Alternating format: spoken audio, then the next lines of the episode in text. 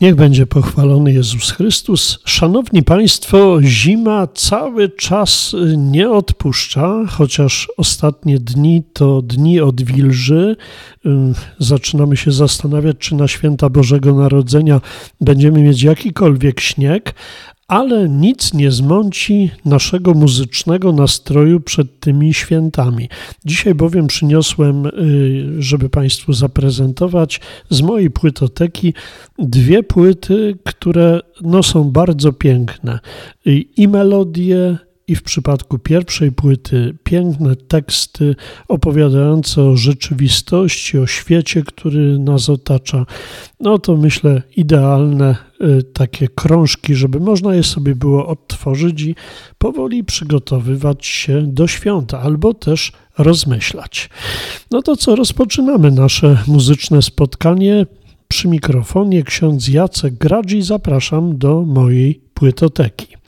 Pierwsza płyta jest bardzo intrygująca już jeśli chodzi o okładkę, bowiem na okładce mamy czarno-białą fotografię mężczyzny, y, który spogląda w naszą stronę y, jego głowa jest, y, można powiedzieć, otoczona przez ręce, tak jakby je trzymał po obu stronach y, twarzy, trzymając się za głowę, ale te ręce wyrastają, czy są w ogóle wrośnięte w tą twarz.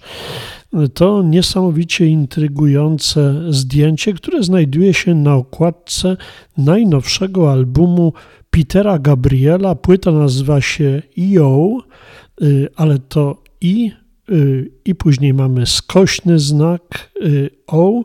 Troszkę nam się też kojarzy z takim systemem włączania i wyłączania całego systemu muzycznego, czy też magnetowidu, y, magnetofonu, czy czegokolwiek, co twarza dźwięk i obraz dla nas.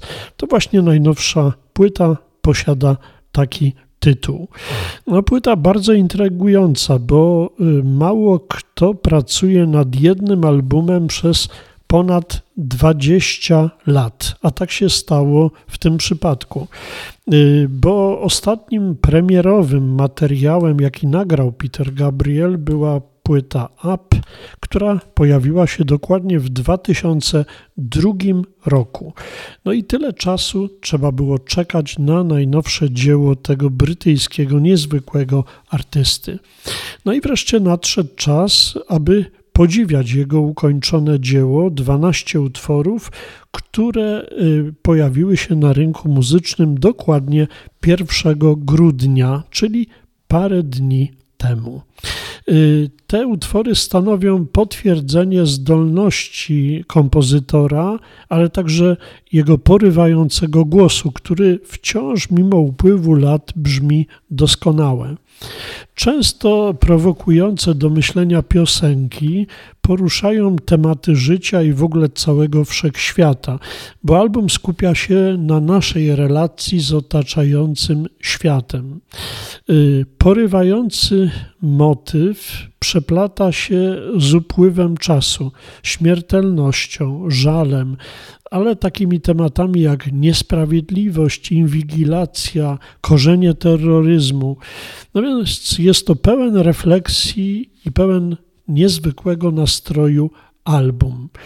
Y, to pełne przygód, muzyczne doświadczenie oparte na nadziei. Y, zresztą ostatni y, utwór na płycie Life and Let Life to właśnie taka optymistyczna, radosna piosenka. Peter Gabriel od dawna stara się przesuwać granice, których niechętnie przekracza większość artystów. Płyta I.O. to nie tylko więc zbiór kilkunastu piosenek, ale każdy z dwunastu utworów został poddany dwóm miksom stereo. Bright Side i y, autorem tego miksu jest Mark Spike Stand. No i mamy drugi mix, Dark Side Mix, y, Tahida Blake y, tym miksem się zajął. W ogóle dużo ta płyta ma wspólnego z Księżycem, bo ta płyta została poprzedzona przez wydawanie poszczególnych nagrań, zwłaszcza w serwisach streamingowych, i one pojawiały się wtedy, kiedy księżyc był w pełni. Kiedy księżyc był w pełni, pojawiało się nowe nagranie z tej płyty, aż w końcu 1 grudnia pojawiła się cała płyta. No i mamy tutaj Bright Side Mix, czyli jakby z tej jasnej strony księżyca mix i Dark Side Mix, czyli ciemnej strony księżyca. Y, Peter stworzył album w bardzo zaufanym gronie, bo można powiedzieć, jest tu masa muzyków. Oczywiście jest tu niezawodna trójka, czyli David Rhodes, który gra na gitarze, basista Tony Levine i perkusista Manu Katché. Ale mamy także wpływ długoletniego współpracownika Petera Gabriela, jakim jest Brian Eno. Y, mamy tutaj Richarda Russella, pianistę Toma Crowleya, trębaczy Josha Szpaka i Paulo Frestu. Mamy wiolonczelistkę Linę Olson i grającą na instrumentach klawiszowych córkę Petera Gabriela, Melanie. I jej e, wkład e, w chórki doskonale współpracuje z wokalami, e, między innymi Rionak Connelly z grupy The Bread. Mamy tutaj Richarda Chambella, Oli Jacobs, Katie May i Richarda Evansa, którzy zajęli się programowaniem grom na różnych instrumentach. Mamy tutaj także chóry Soweto Gospel Choir i szwedzki chór męski Orfej Drenger. Y, mamy tutaj orkiestrę, to New Blood Orchestra pod dyrekcją Johna Metcliffe'a.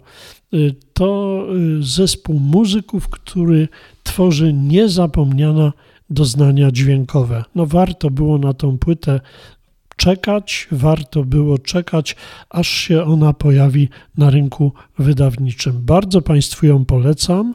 I.O. Peter Gabriel to pierwsza propozycja tego naszego muzycznego spotkania. Okładka natomiast drugiej płyty, którą Państwu chciałbym dzisiaj polecić, zawiera też zdjęcie artysty, ale ono nie jest tym razem czarno-białe, lecz kolorowe. Mamy tutaj człowieka grającego na mandolinie, który gra z taką radością, że jego uśmiech jest od ucha do ucha. Jeszcze wpatruje się w niebo, można powiedzieć, grając w jakimś szaleństwie. Tym artystą jest izraelski mandolinista, nazywa się Avi Avital. Avi Avital, przedstawiciel grona żydowskich instrumentalistów, jest pierwszym mandolinistą, który dostąpił zaszczytu kandydowania do prestiżowej nagrody Grammy. Avi Avital wydał teraz nową płytę, która nazywa się Koncerty, Concertos.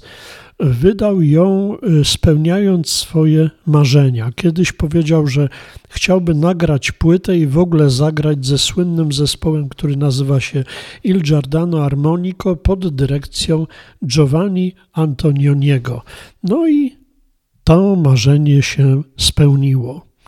Y, Giordano Armonico to wyjątkowy zespół, na czele którego stoi Giovanni Antonioni, wybitny flecista barokowy. Na płycie wspólnie wykonują trzy koncerty na mandolinę autorstwa Emanuele Barbelli, Giovanniego Passiello i Johanna Nepomuka Humela a także własne aranżacje koncertów Jana Sebastiana Bacha i Antonia Vivaldiego. Dwa z trzech oryginalnych utworów na mandolinę pochodzą z Neapolu. Chodzi tutaj o koncerty Barbelliego i Passiellego. Kultura neapolitańska jest pełna kolorów, emocji, teatralności, cechy, które odzwierciedlają się w występie Avitala, bo Avital to nie tylko wybitny muzyk, ale pewnego rodzaju aktor. Mamy też y, Johanna Nepomuka Humela, przedstawiciela niemieckiej kultury mandolinistów. Y, Avital opisuje swoją aranżację znanego koncertu na skrzypce i obój Jana Sebastiana Bacha jako lżejszą, jaśniejszą wersję na mandolinę i flet prosty.